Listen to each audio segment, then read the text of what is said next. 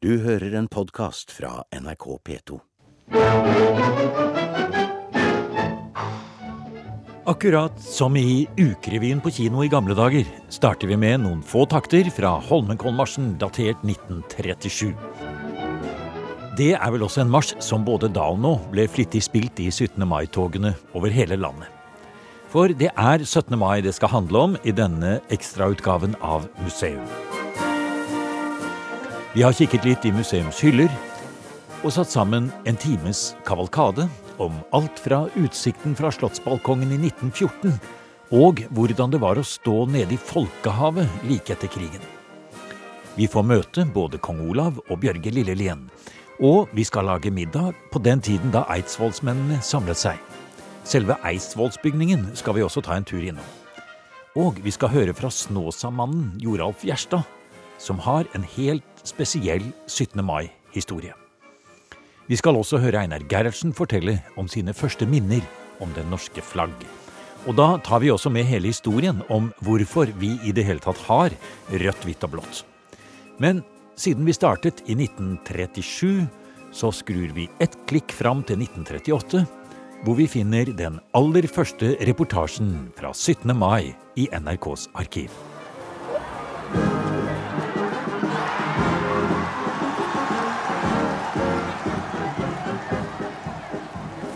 Nå med mikrofonen på plassen foran Slottet i Oslo. På verandaen foran Slottet står kongen, dronningen, kronprinsparet og de to små prinsesser. Det er strålende vakkert vær i Oslo i dag. Og vi har et praktfullt syn her ovenfra Slottsplassen. Byen ligger foran oss, flaggsmykket og fager, og Karl Johan er prydet med en flaggallé som strekker seg helt fra Slottsbakken og frem til Stortinget.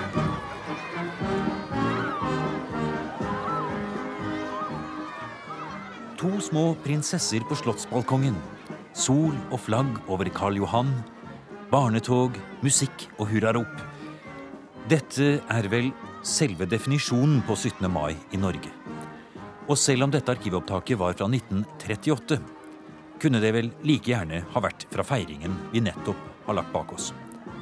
Prinsessene, forresten, det var den åtte år gamle Ragnhild og den seks år gamle Astrid, som sto der sammen med sin far og mor, kronprins Olav og kronprinsesse Märtha, med kong Haakon og dronning Maud ved siden av. Dronning Maud døde senere det samme året, og lille prins Harald var ett år og tre måneder og for liten til å vinke fra balkongen. I et intervju med Bjørge Lillelien fra 1978 ble kong Olav spurt om hvordan det er å være liten og stå der på balkongen i timevis. Det er sånn som mine barnebarn nå, de er her, og så går de, går de på balkongen en stund, og så blir de lei av det, og så går de vekk, og så kommer de tilbake. Men da er de såpass små de første gangene at de kan aldri tidfeste med sikkerhet. Men det må vel ha vært Den jeg kan huske, må vel være noe sånt og sånn 8-9 som jeg kan, 1908-9 som jeg kan huske med noenlunde sikkerhet. Hvordan forløp feiringen av 17. mai for kongen eh, da de var barn? Ja, det ble jo fordi at de ikke hadde noen særlig slekt. da. Utenom oss selv så var det i grunnen nokså stille. Vi var hjemme, og vi hadde det hyggelig etter barnetoget og etter eventuell annen fremmøte, f.eks. Nationaltheatret, sånn som er fremdeles. Midt på dagen så var resten av dagen det var nokså stille, bl.a. fordi at betjeningen skulle få så mye, så mye fri som mulig. Spurte kongen noen gang eh, kong Haakon eller dronning Maud om å få lov å gå i barnetoget? Det kan jeg ikke huske, for det vil jeg anse vil være såpass usannsynlig at det var ikke noen idé å, å komme inn på det. Um, hva har Eidsvoll og det som skjedde der tilbake i 1814, hatt å si for kongen personlig? Ja, det er ikke så lett å, å si det. Den er jo, altså Grunnloven er jo det fundament som dette samfunnet er bygget opp på siden Eidsvoll-vedtakene i 1814. Så for så vidt har det jo vært en bakgrunn. Det har jo vært perioder hvor den har hatt større absolutt aktualitet enn den kanskje har til daglig. fordi at det som er dagligdags, det nevnes jo ikke nettopp straks. Men vi har jo opplevd i både krigs, begge krigs, verdenskrigstidene at betingelsene og grunnlaget da var satt på prøve, hvorfor altså Grunnloven naturligvis da fikk en enda større betydning og mer aktualitet enn den kanskje har til hverdags. Hvilken 17. mai husker kongen best? Ja, det er ikke så lett å si. Det er vel eh, Fra jeg var ganske liten, er det vel den i 1914 som jeg husker best. Kanskje mer pga. opptakten som begynte på Eidsvoll, i Eidsvollsbygningen. Og endte med at vi kjørte, min mor og jeg kjørte med bil fra Eidsvoll til Oslo midt på natten. Det var, jeg kom ikke her før ved ett-tiden, og det var meget begivenhetsrikt for en for en elleveårsgutt. Det var en stor begivenhet. Den derpå følgende dag også naturligvis var eh, meget begivenhetsrik. Den neste som jeg husker spesielt, det var 17. mai 45. Det var kong Olavs minner fra Slottsbalkongen, intervjuet av Bjørge Lillelien i 1978. Vi hørte kong Olav sa han husket 17. mai 1945 spesielt godt. Men går vi ned på Slottsplassen og skrur kalenderen fram til 1946, er det tydelig at kongefamilien og krigen og slottsbalkongen da hadde blitt selve symbolet på innholdet i 17. mai. Nå skal dere få høre Eva. Må du fortelle hva du ser, Eva? Hallo, mor og far og Kari.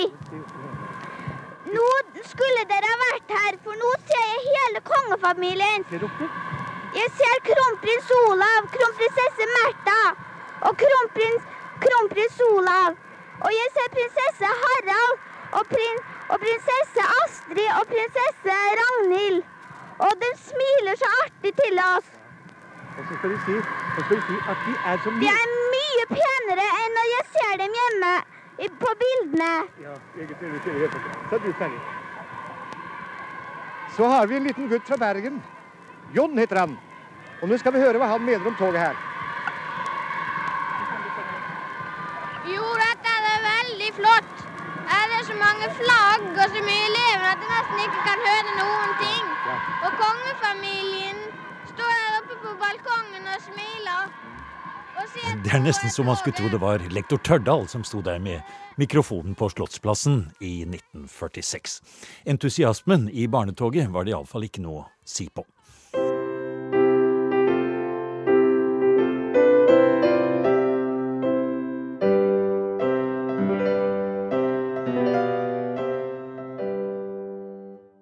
Nå tar vi turen til selve Eidsvollsbygningen og tidsånden fra tidlig 1800-tall. I et museumsprogram fra 2011 handlet det om den flere hundre millioner kroner store restaureringen av stedet, hvor Grunnloven ble til. Her er altså da søylene går fra gulv til tak og en stor blå himling over, og så plutselig er vi Geir Thomas Risaasen tar oss med innover i det han kalte et fransk adelspalais i københavnsk tapning. Og det er rom etter rom og selskapsstuer med en eleganse som ikke levner noen tvil om at vi går rundt i de øvre sjikt av det dansk-norske handelsborgerskap. Men nå har vi begynt å lure. Er det bare en kulisse? Hadde Karsten Anker kjent seg igjen? Det handler nok vel så mye om å lage et bilde av hvordan det kunne ha vært.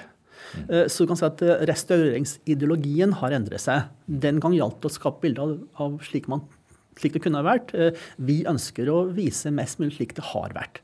Samtidig så må vi også si at 1964 var eh, hadde, også et, hadde nok også et ideologisk ønske om på en måte å fornorske bygningen.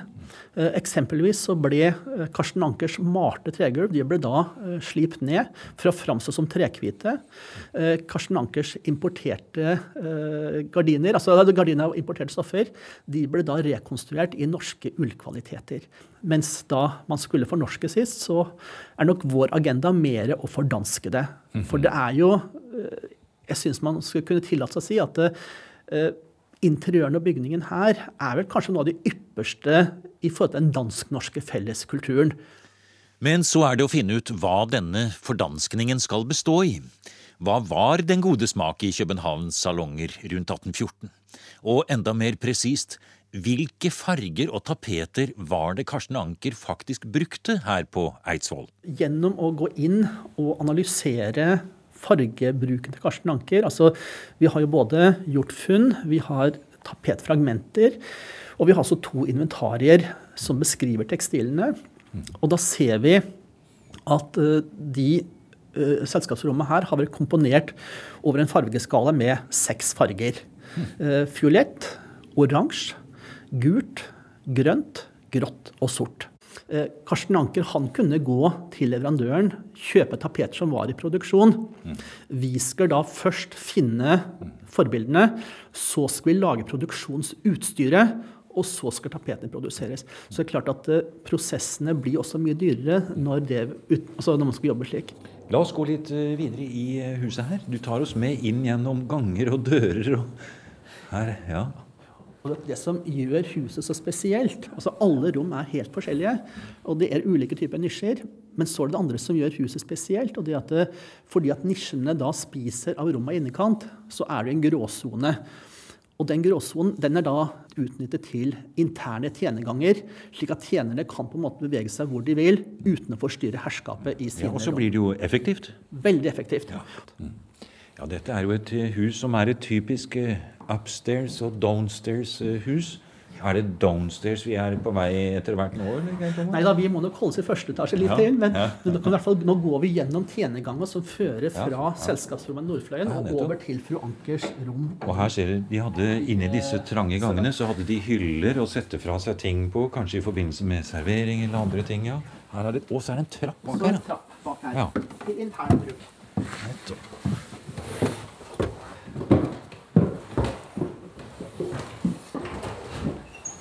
Enda noen lønndører åpner seg.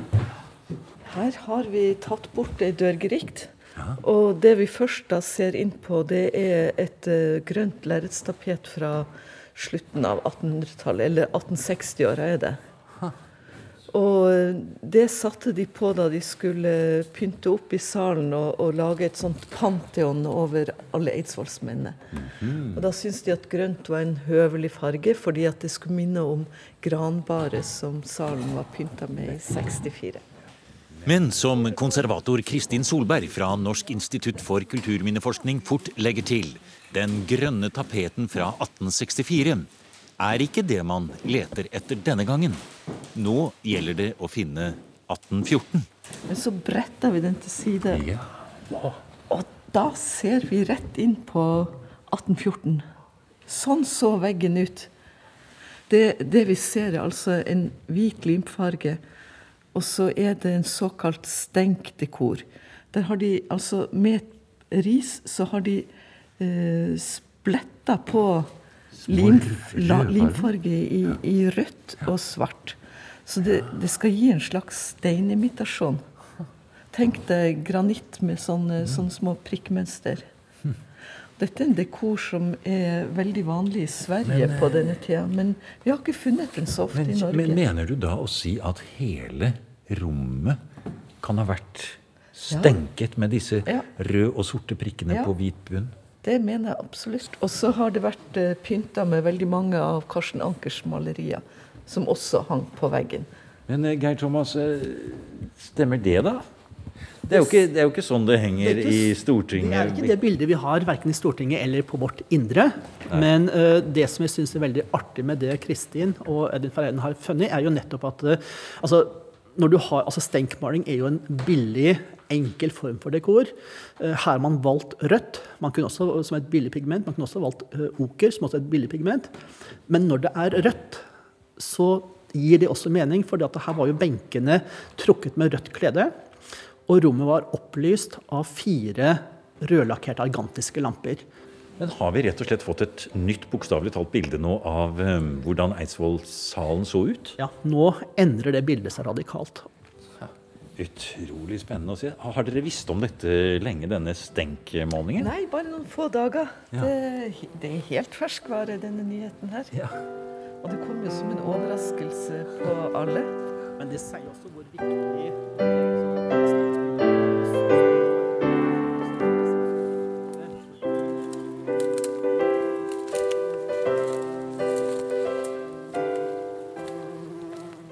Det er godt kjent at det ble opptøyer og problemer i Kristiania da byens borgere med Henrik Wergeland i spissen ville feire 17. mai utover i de første tiårene etter Eidsvoll.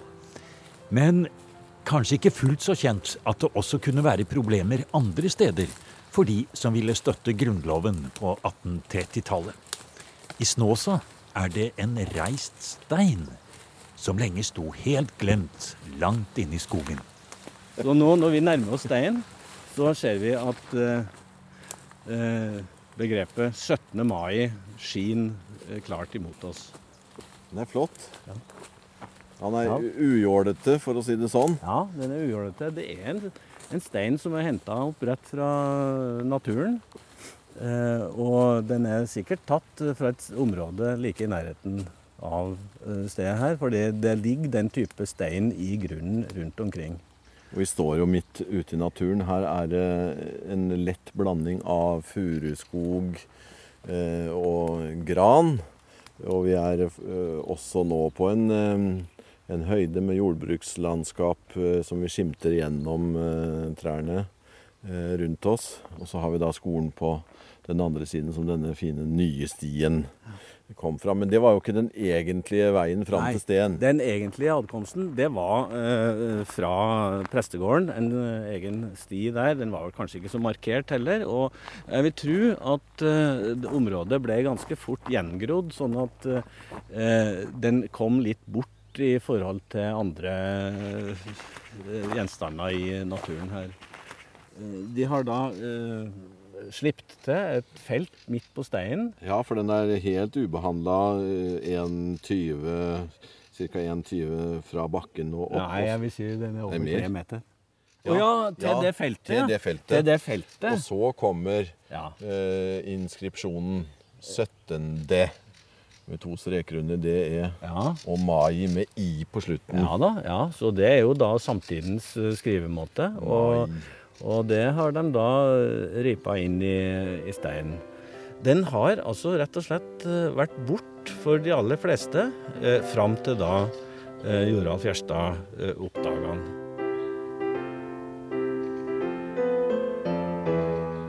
Skal vi sette oss ned på tribunene her litt grann også? Ja. Og dvele litt over eh,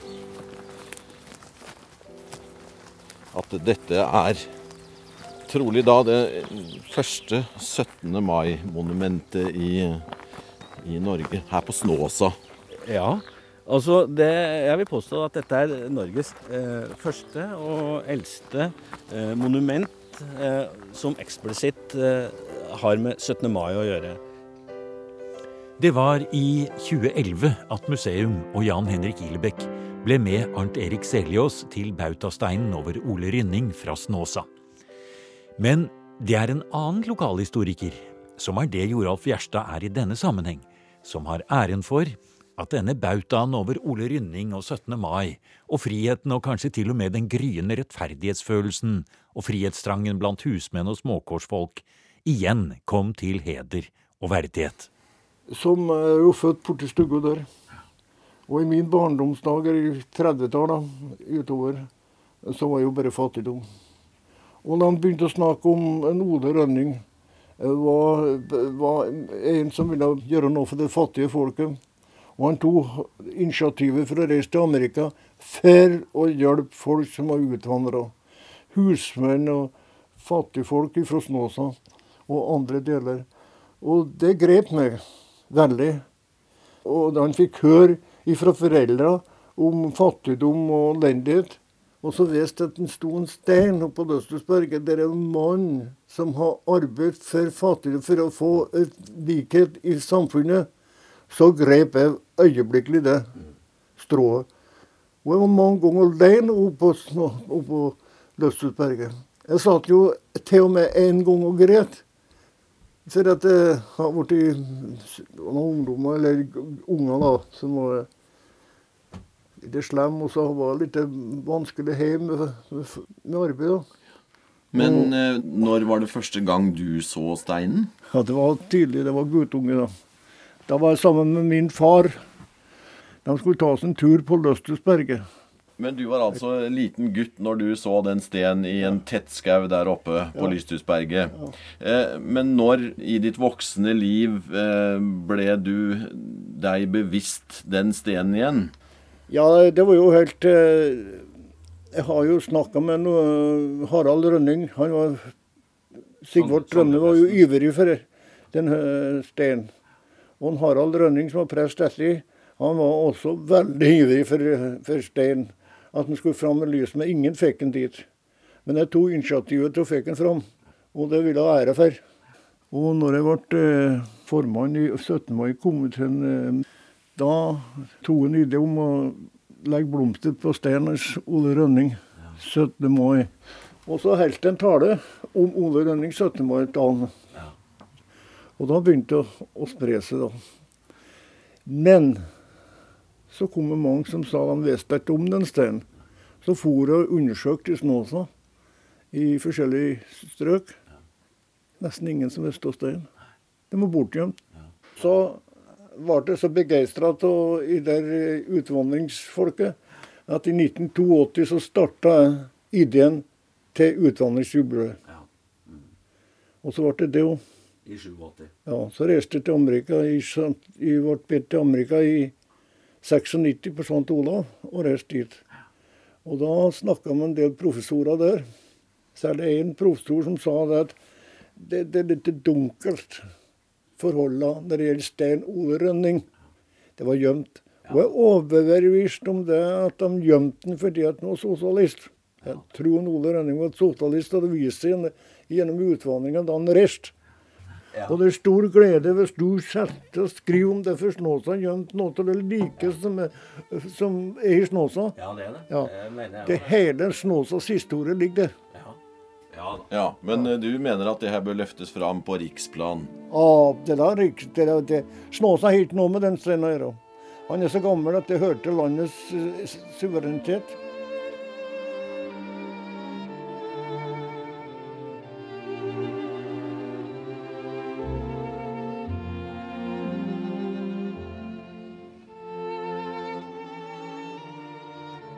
Litt Ole Bull, spilt av Arve Tellefsen, tar oss videre fra Joralf Gjerstad til neste stopp i denne kavalkaden fra museum med tema 17. mai. La oss bare nevne at lokalhistoriker Joralf Gjerstad i 1998 ga ut en bok om Ole Rynning og utvandringen til Amerika fra Snåsa. Vi holder oss omtrent i samme tidsperiode som Ole Rynning, som fikk reist Norges første 17. mai-monument, når vi setter kursen mot landskapet rundt Mjøsa og Amtmannsgården på Stenberg i Vestre Toten. Det skal handle om godt, gammelt kjøkkenhåndverk og den kulturhistoriske kokeboken Amtmanninnen og hennes døtre. På vei ned til den nye museumskafeen Ditle Wienes Utsikt sender Mjøsmuseets tradisjonsmusikkarkivar Stein O. Villa med oss en liten smakebit av en springdans etter Hans Vestli fra Torpa.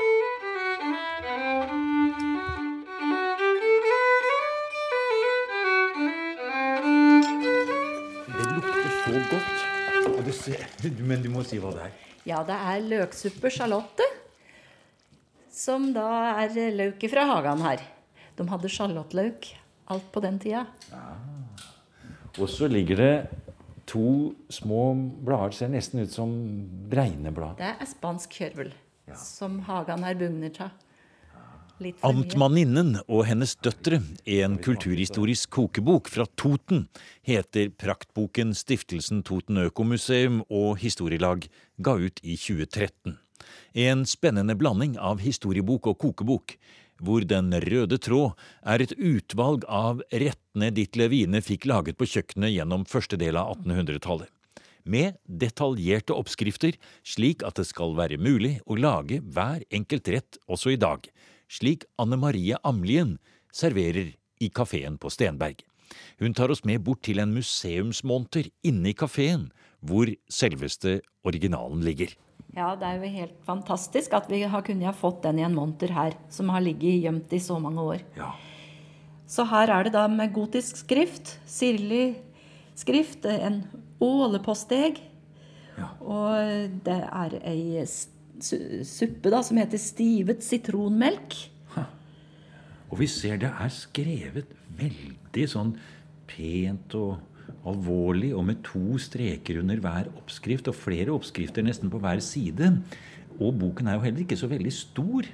Nei, men det er ikke sikkert det var så flust med papir den gangen at de eh, måtte benytte hele boka, ikke ha hver oppskrift på ei hel side. Men eh, om det er Ditt Levine som har skrevet det, eller om det er hennes døtre, det vet vi ikke.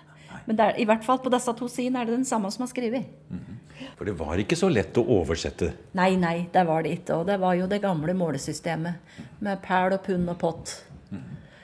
Og en litt artig betegnelse, det er eh, gran. Lite grann. Vi sier vi vil ha lite grann påfyll. Lite grann, det er 0,038 gram. Så det er Ja, så er det det? Ja. Så, så gram, det er en Det er en måleenhet. Det er en måleenhet. Ja. Det er det. Blir nok mest brukt i eh, medisin. Ja. Men ved sida av så har du den flotte vinkaggen, som da er adressert Amtmanninde Weidemann, Toten Smørvigen. Og Smørvigen, det er på Kapp. Så da er det tydelig at den har kommet med dampskipet fra Minnesund og til Smørvigen på Kapp. Det, det er en beholder det, som det har vært vin i, Ja, det er det. Lerkrukke. som kom hit til henne. ja. Men når vi snakker om disse gamle kokebøkene, så må vi jo tenke på sånn som f.eks. Hanna Vinsnes, og sånt som vi kanskje har hørt om tidligere, da, som er kokebøker fra, fra 1800-tallet. Eh, Men hvordan er denne i sammenligning der? Jo, jeg vil jo si at det har litt storhet over seg, boka vår òg.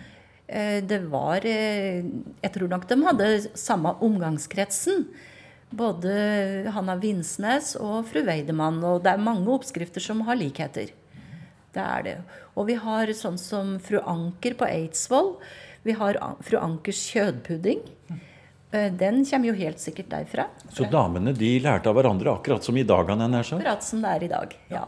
Bare at det var fru Anker på Eidsvoll, ja. ja det var fru Anker på Eidsvoll. Nettopp. For denne kokeboken vi har her, den var jo selvfølgelig aldri ment for eh, nær sagt, å skulle bli gitt ut på noen måte. Dette var et eh, arbeidsredskap i kjøkkenet. Der var det på Steinberg, ja. Men det jobber jo veldig mange på kjøkkenet her. Det var jo mye kokkepiger og innejenter. Og det sies at de ble veldig flinke husmødre, de som hadde vært i jobbe her. Og ble store kokkepiker rundt om på bygden og på gårda seinere i livet. Du er jo kokk selv, du. Det er sånn du kommer inn i dette. Ja, det er det. Det var derfor jeg- Torveig Dahl ville ha med meg. Fordi jeg har vært kokk siden jeg var 18 år. Så var veldig, veldig opptatt av tradisjonsmat. Ja, og laga alt fra bunnen av. Jeg har aldri vært noe sånn påsakokke. Nei, påsakokke, ja. La oss gå bort her og så se på boken som den ligger så flott på bordet foran oss her. Og hvis du nå som kokk skulle si litt om hvordan det har vært å koke seg gjennom dette manuset, hvordan har det vært? Det har vært utrolig spennende. Vi har jo prøvd og feile og prøvd og feile. Mye har gått i søpla. Det må jeg si. Og særlig har jeg lurt på åssen kunne de ha så mye sitron? Det er sitron i så veldig mange retter. Det er ei sitronsuppe her som er aldeles nydelig. Og det er eh, sitron i mange former i sauser og supper. Sitronmelk til og med. Ja, det er det. Stivet sitronmelk. Og jeg ser det er også en pudding her med kefirmelk. Ja, den kaller vi marssne. Det er den originale oppskrifta. Det er like deler fløte og like deler eh, sur mjølk. Med, og med husblas og rød saus. Men eh, er, når vi virkelig har fått til oppskrifta, så er det veldig godt, og det smaker storhet av det. Det gjør det. Og storhet er det over Stenberg gård i Vestre Toten. Med restaurerte bygninger, tun og egen gravhaug, som nær sagt er et monument over 1814-staten, og i hvert fall over amtmann Weidemann og hans familie. Selv om det nok må ha vært rart for de tre amtmannens døtre, som satt alene og så hvordan verden langsomt forandret seg utenfor stuevinduene da kalenderen gikk mot 1900 og den moderne tid, sier Arne Julsrud Berg på toppen av gravhaugen. Weidemann var heldig med timinga. Eh, Dette var til eh, embetsmannsklassens storhetstid i Norge. Eh, Fra 1800 og til eh, når han går av som amtmann i 1851. Da er det bondeklassa som fikk makta ved bondestortinget og formannskapslova. Og senere, på slutten av 1800-tallet, så kommer arbeiderbevegelsen. Så dette var slutten på embetsstanden i Norge. Og det sitter altså disse tre ugifte søstrene og ser på, hadde jeg nær sagt, og opplever inne i eh, ja, hvis vi kan si det, kulissen av det livet de hadde levd i når de var små, og hvor faren var denne store, kjente eidsvollsmannen, stortingsmannen. Men så går tiden på en måte fra dem, kan vi nesten si. Og de sitter der. De gifter seg ikke, disse tre. De holder sammen, og også en bror bor jo der. Ja, De ser utviklinga. De ser at uh, bøndene får makta i dette lokalsamfunnet først. Og de ser sosialismen uh, som kommer. og Dette er nok veldig fremmende ting for dem. Og, og de blir jo gamle, sjølsagt. Så de lever nok her i, i kulissen av embetsmannsstaten og, og, ser at tida har gått fullstendig fra dem. Og de har veldig liten sosial omgang med andre folk i bygda på slutten. Det gamle embetsmannsmiljøet ble borte, og deler av kulturen med fransesedans og bostonspill ble adoptert av bøndene, som etter hvert ble mer kultiverte. Men, men den gamle kulturen som vi finner på begynnelsen av 1800-tallet, den ble helt borte. Den er begravd her? Den er begravd her.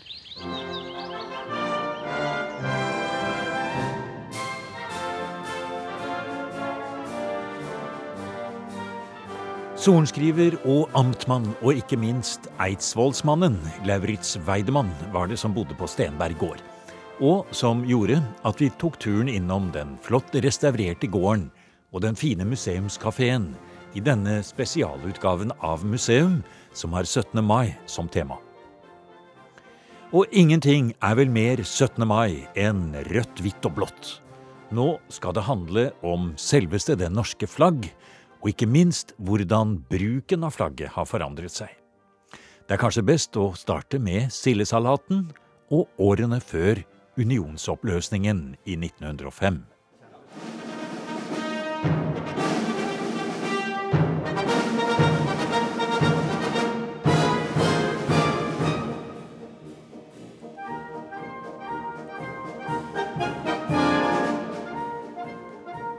Leve unionen heter denne marsjen av Oskar Borg. Komponert på midten av 1890-tallet. Men da den ble fremført i 1905, hadde den skiftet navn til Den norske løve. Symbolet i det nye kongeflagget. For sikkerhets skyld skrev forresten Oskar Borg samme år også en honnørmarsj til kong Haakon 7.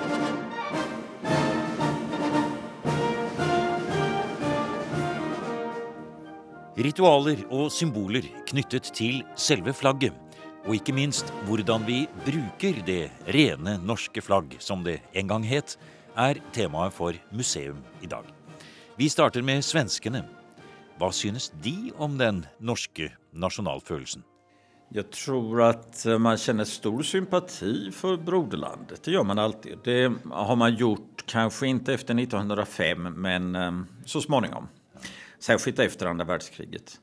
Men jag tror att idag så är man lite förvånad över att det norske flagget är den naturliga armförlängaren på människor.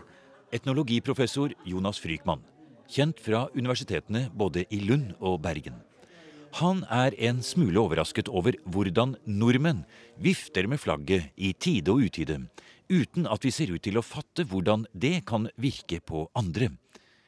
Og nettopp flagget hvordan både utseende, betydning og ikke minst bruken har forandret seg fra 1814 og fram til våre dager, blir hovedtema i dette programmet. Det som skriker mest estetisk øye, er jo faktisk det svenske flagget med sildesalaten.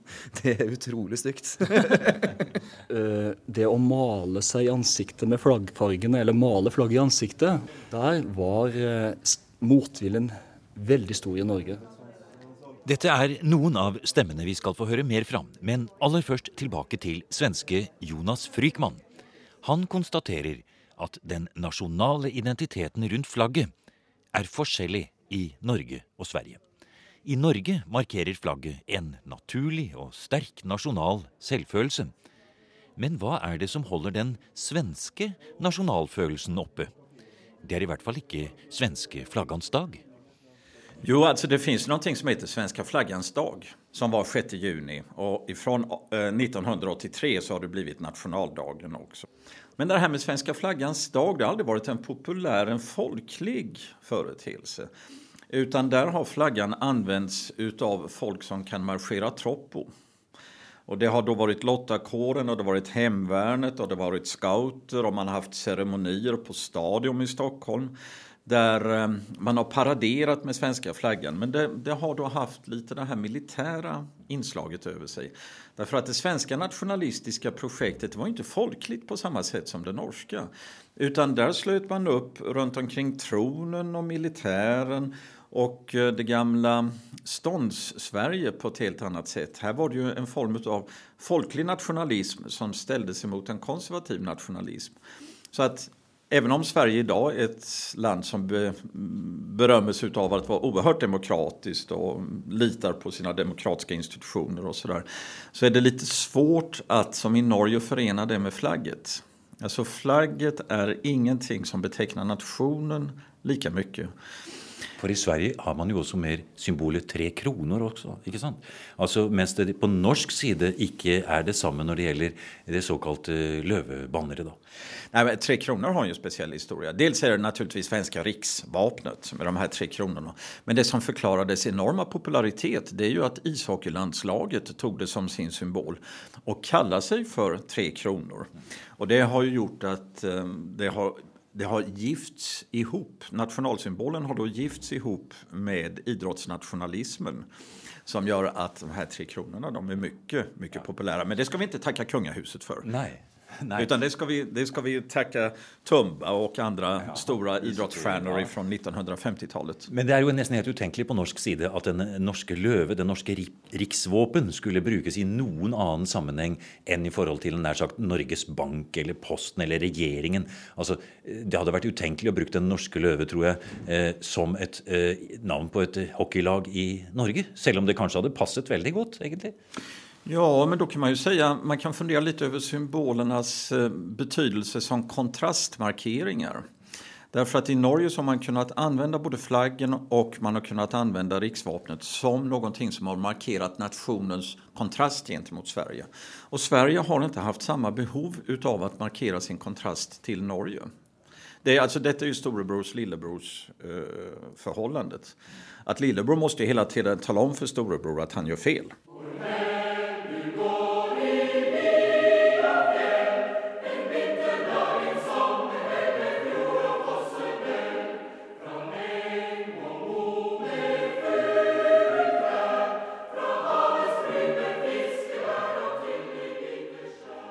Norge i rødt, hvitt og blått, med Oslo Filharmoniske Kor.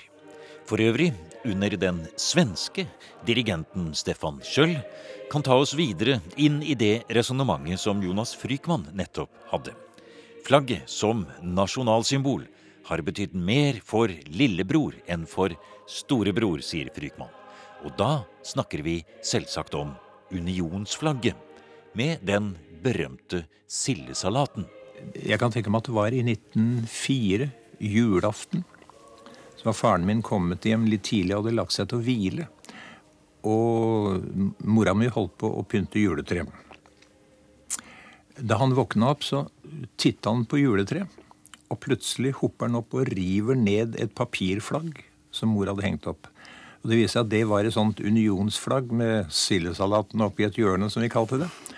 Det, han ble så sinna for det, og tok flagget og putta i kakkelommen og brente det opp, altså.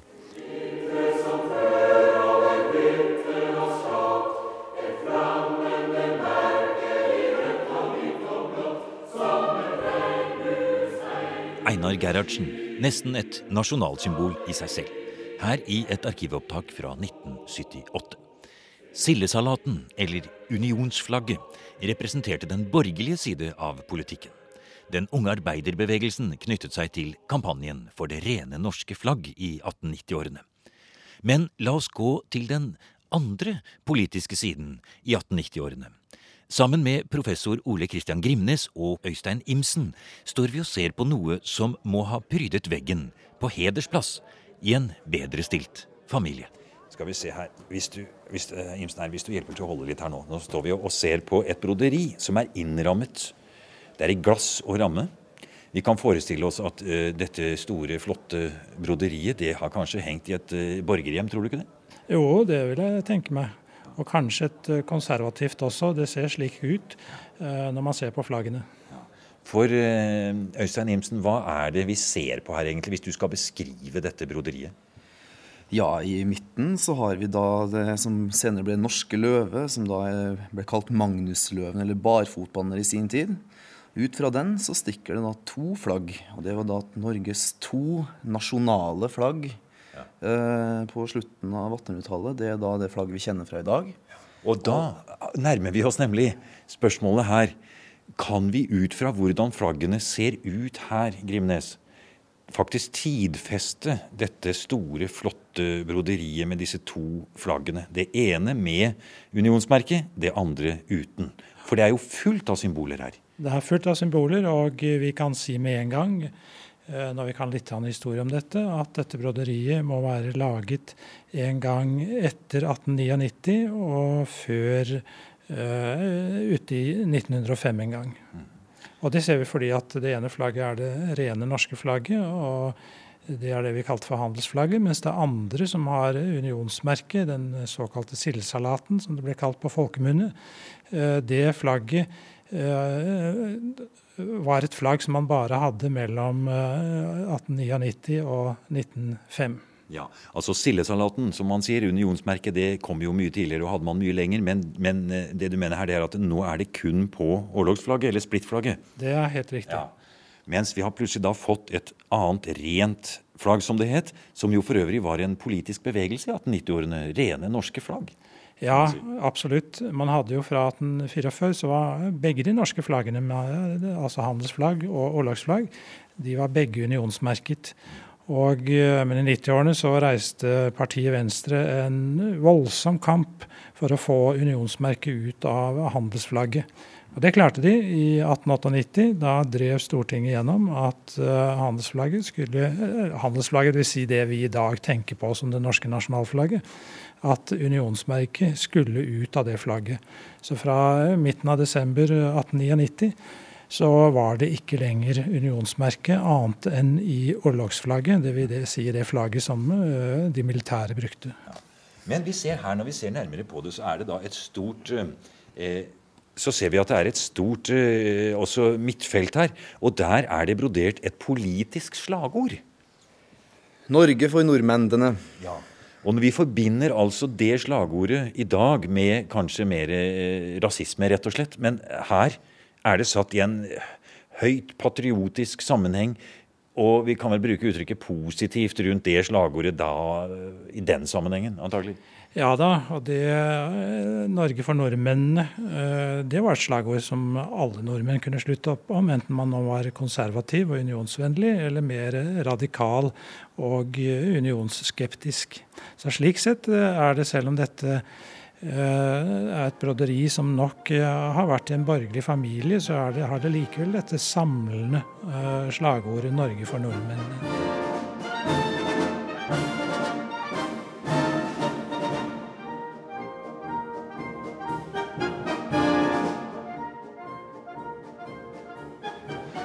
Og da, eh, Grimnes, skal vi gå litt tilbake i tiden. For nå hører vi altså eh, salaten bli nevnt flere ganger her. Altså dette unionsmerket. Og det er jo da ikke sånn at den har sett ut likt hele tiden, for her har du noe veldig interessant som vi tar fram her nå. Som vi ser her. Det er altså en kopi av noe som ligger i det svenske riksarkivet. Ja, det er en kopi av eh, det som var eh, et kombinert unions- og orlogsflagg. For det sa Grunnloven av 4.11.1814 at uh, Norge skulle, og Sverige skulle ha et årlagsflagg som samtidig var et unionsflagg. Og dette unionsflagget det er et svensk flagg, men med et lite merke opp i det venstre hjørnet. Uh, dette hvite merket var ment å være et emblem for Norge, et merke for Norge. Det, og Da skulle man jo tro at svenskene ville spørre nordmennene hva vil dere ha som et sånt uh, emblem? Ja, og det gjorde de. Og det svaret uh, som nordmennene ga, det var et svar som uh, overrasket nordmenn senere, for det er veldig lite norsk ved det. Det merket vi ser, det er egentlig det danske flagget Danebrog. Det er, et, det er rød bunn, det er et hvitt kors. Den eneste forskjellen er at korset er ikke opprettstående, det er liggende. eh, Et såkalt Andreaskors. som- Ja, det går fra diagonal til diagonal. eh, Altså, for, Ja. Veldig rart. Dette hvite Det ser ut som en X, med andre ord, som da står på en hvit X på uh, rød bunn. Og det er, altså, det er altså en hilsen tilbake til den forrige unionspartneren, det da. Ja, det er helt klart at det der, der det viser tilbake til uh, Danebrog. Og Det er ikke så rart, fordi at helt fram til 1814 så brukte nordmenn, norske skip, norske militære, brukte det danske flagget. Vi var jo i union med Danmark, og eh, i denne dansk-norske helstaten så var flagget det danske flagget Danebrog. Så kommer 1814, vi løsrives fra Danmark, vi går inn i en ny union med Sverige. Og eh, da brytes den politiske forbindelsen med Danmark, men ennå er minnet om det danske flagget eh, så sterkt at man bruker eh, en, en litt moderert utgave av det danske flagget som et norsk merke.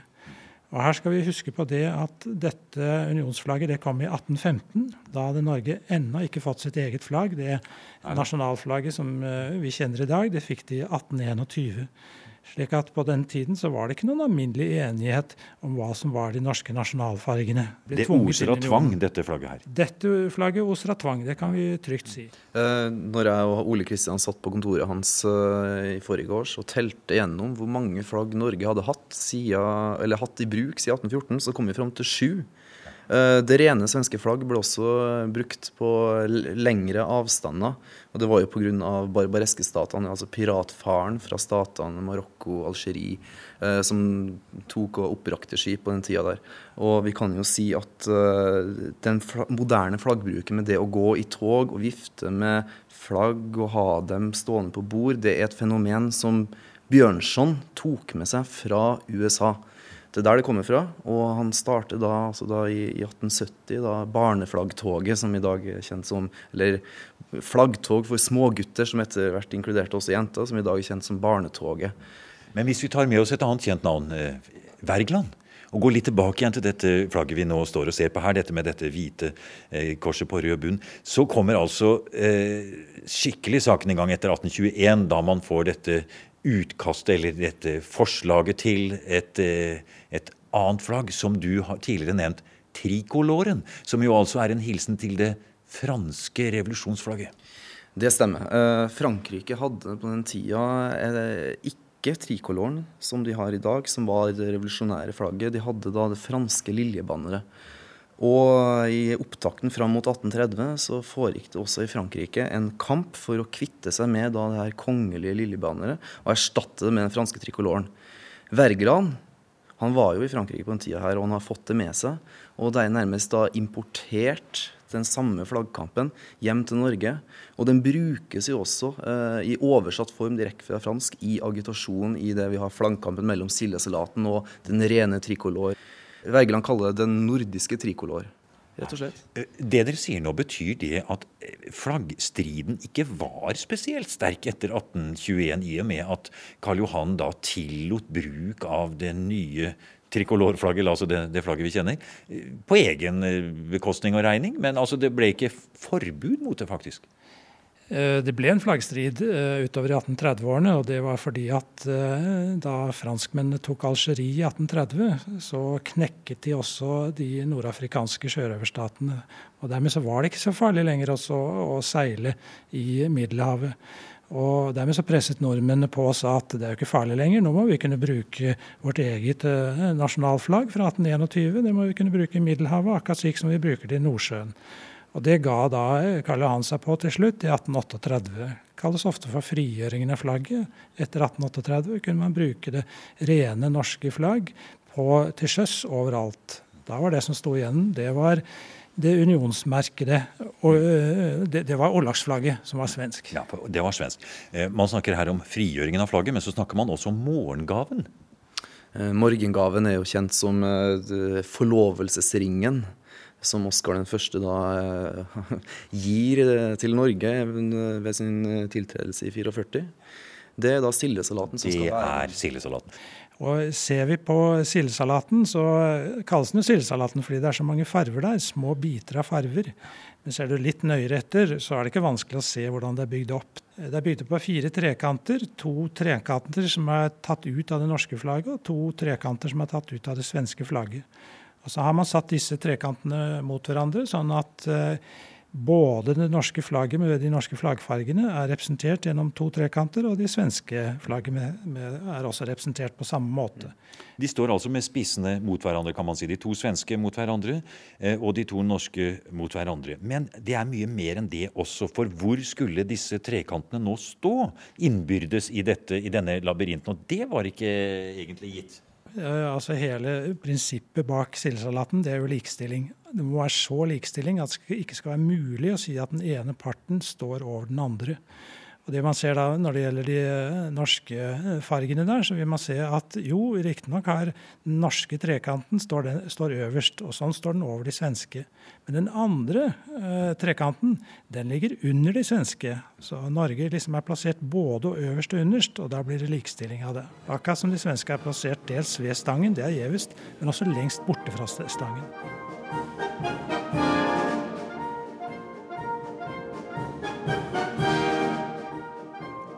Sildesalaten et diplomatisk mesterstykke som var ment å skape ro i flaggstriden. Og denne borgfreden holdt altså helt til partiet Venstre ikke lenger fant seg i likestilling. Man ville ha full løsrivelse.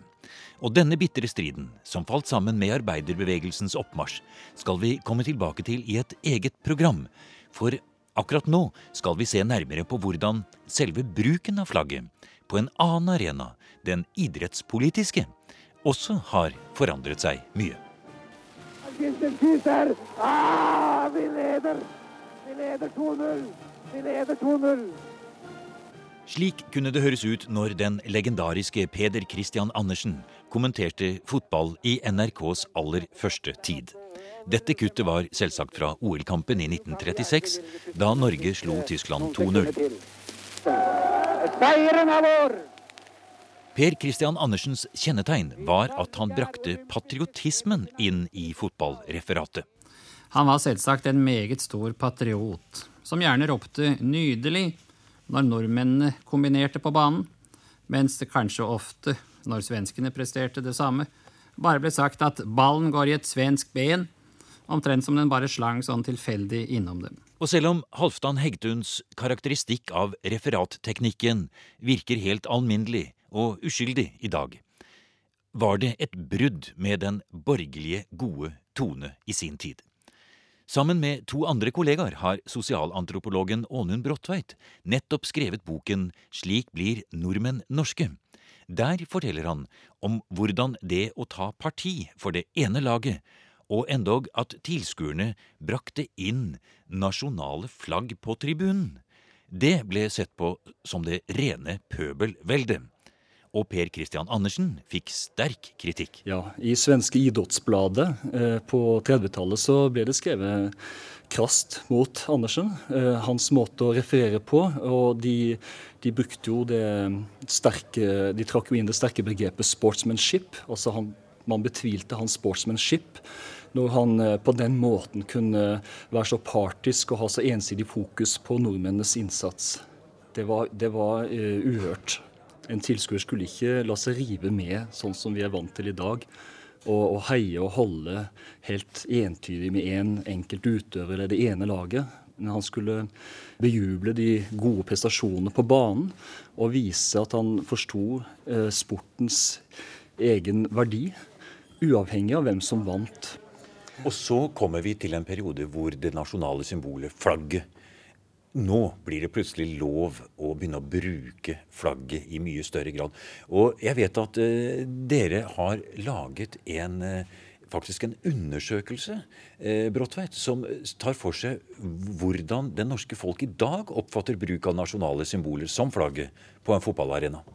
Ja, eh, altså vi, vi, spurte jo ja, Først så spurte vi jo om hvor mange, som, hvor mange som hadde brukt flagget på en arena i løpet av det siste året. Men der lå vi altså bak både svenskene og, og danskene. Men så spurte vi om eh, upassende bruk av flagget. Og et av spørsmålene våre var uh, det å male seg i ansiktet med flaggfargene, eller male flagget i ansiktet, om de mente det var upassende. Og, dette var i forbindelse med sportsarrangement. Og der var uh, motviljen veldig stor i Norge. Altså, hver tredje nordmann syns dette var upassende bruk. Men jeg, jeg mener at det er ikke et direkte uttrykk for nasjonalisme. Altså Man kan på en måte ikke gå ut og se oi, her, det, her har alle flagget i handa og ansiktsmaling med norske flagget. Nå er nasjonalismen på oppadgående, og en negativ form for nasjonalisme, det, det tror jeg blir altfor enkelt. Eh, jeg tror det er uttrykk for noe annet. Eh, det er nok mer en form for eh, sosial gruppetilhørighet der og da, og en hyllest til nasjonen som sådan. Det... Vi kan da si at uh, symbolet, det nasjonale flagget, det har på en måte faktisk en type forskjellig mening på forskjellige arenaer. Og det er forskjellige regler også. Forskjellige brukssammenhenger, forskjellige regler og også forskjellige tolkninger. Altså gyldige tolkninger, om man skal si det sånn. Eller man, man tolker det i hvert fall ulikt, avhengig av hvilken arena det er. Hvis du går over til Sverige, i hvert fall noe jeg har fått bekreftet av mine svenske kolleger, så tolker man også der det er veldig ulikt om man ser et svensk flagg på en idrettsarena, eller om man ser det i gatene. I gatene så har eh, eh høyreekstreme elementer i litt for stor grad eh, erobra flagget, flaggsymbolet. Kan man da si at bruken av flagget som nasjonalt symbol er provoserende og eh, nasjonalistisk i én arena, mens det samme flagget er, har en helt annen i en annen arena? Ja. altså flagget er ingen entydig symbol utan den kan brukes på forferdelig mange ulike sätt. Ibland är den provokativ, ibland så är det någonting som man bara sätter i toppen på julgranen för att eh, visa att nu är det verkligen jul. Och det är nästan alltid kontexten som avgör hur pass provocerande den är. Visa upp den för en svensk och han känner en omedelbar broderskärlek. Och visa upp den för en norrman och han känner hur bröstet sväller. Men visa upp det för en islänning ute i smutthullet och där blir den plötsligt en provokation. Så det är liksom hela tiden kontexten som avgör vad, hur flagget ska tolkas.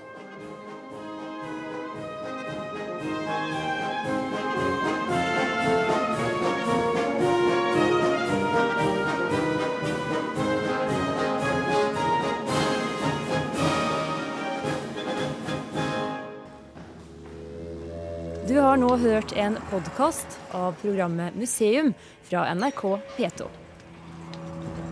Og send gjerne en e-post til museum krøllalfa nrk.no.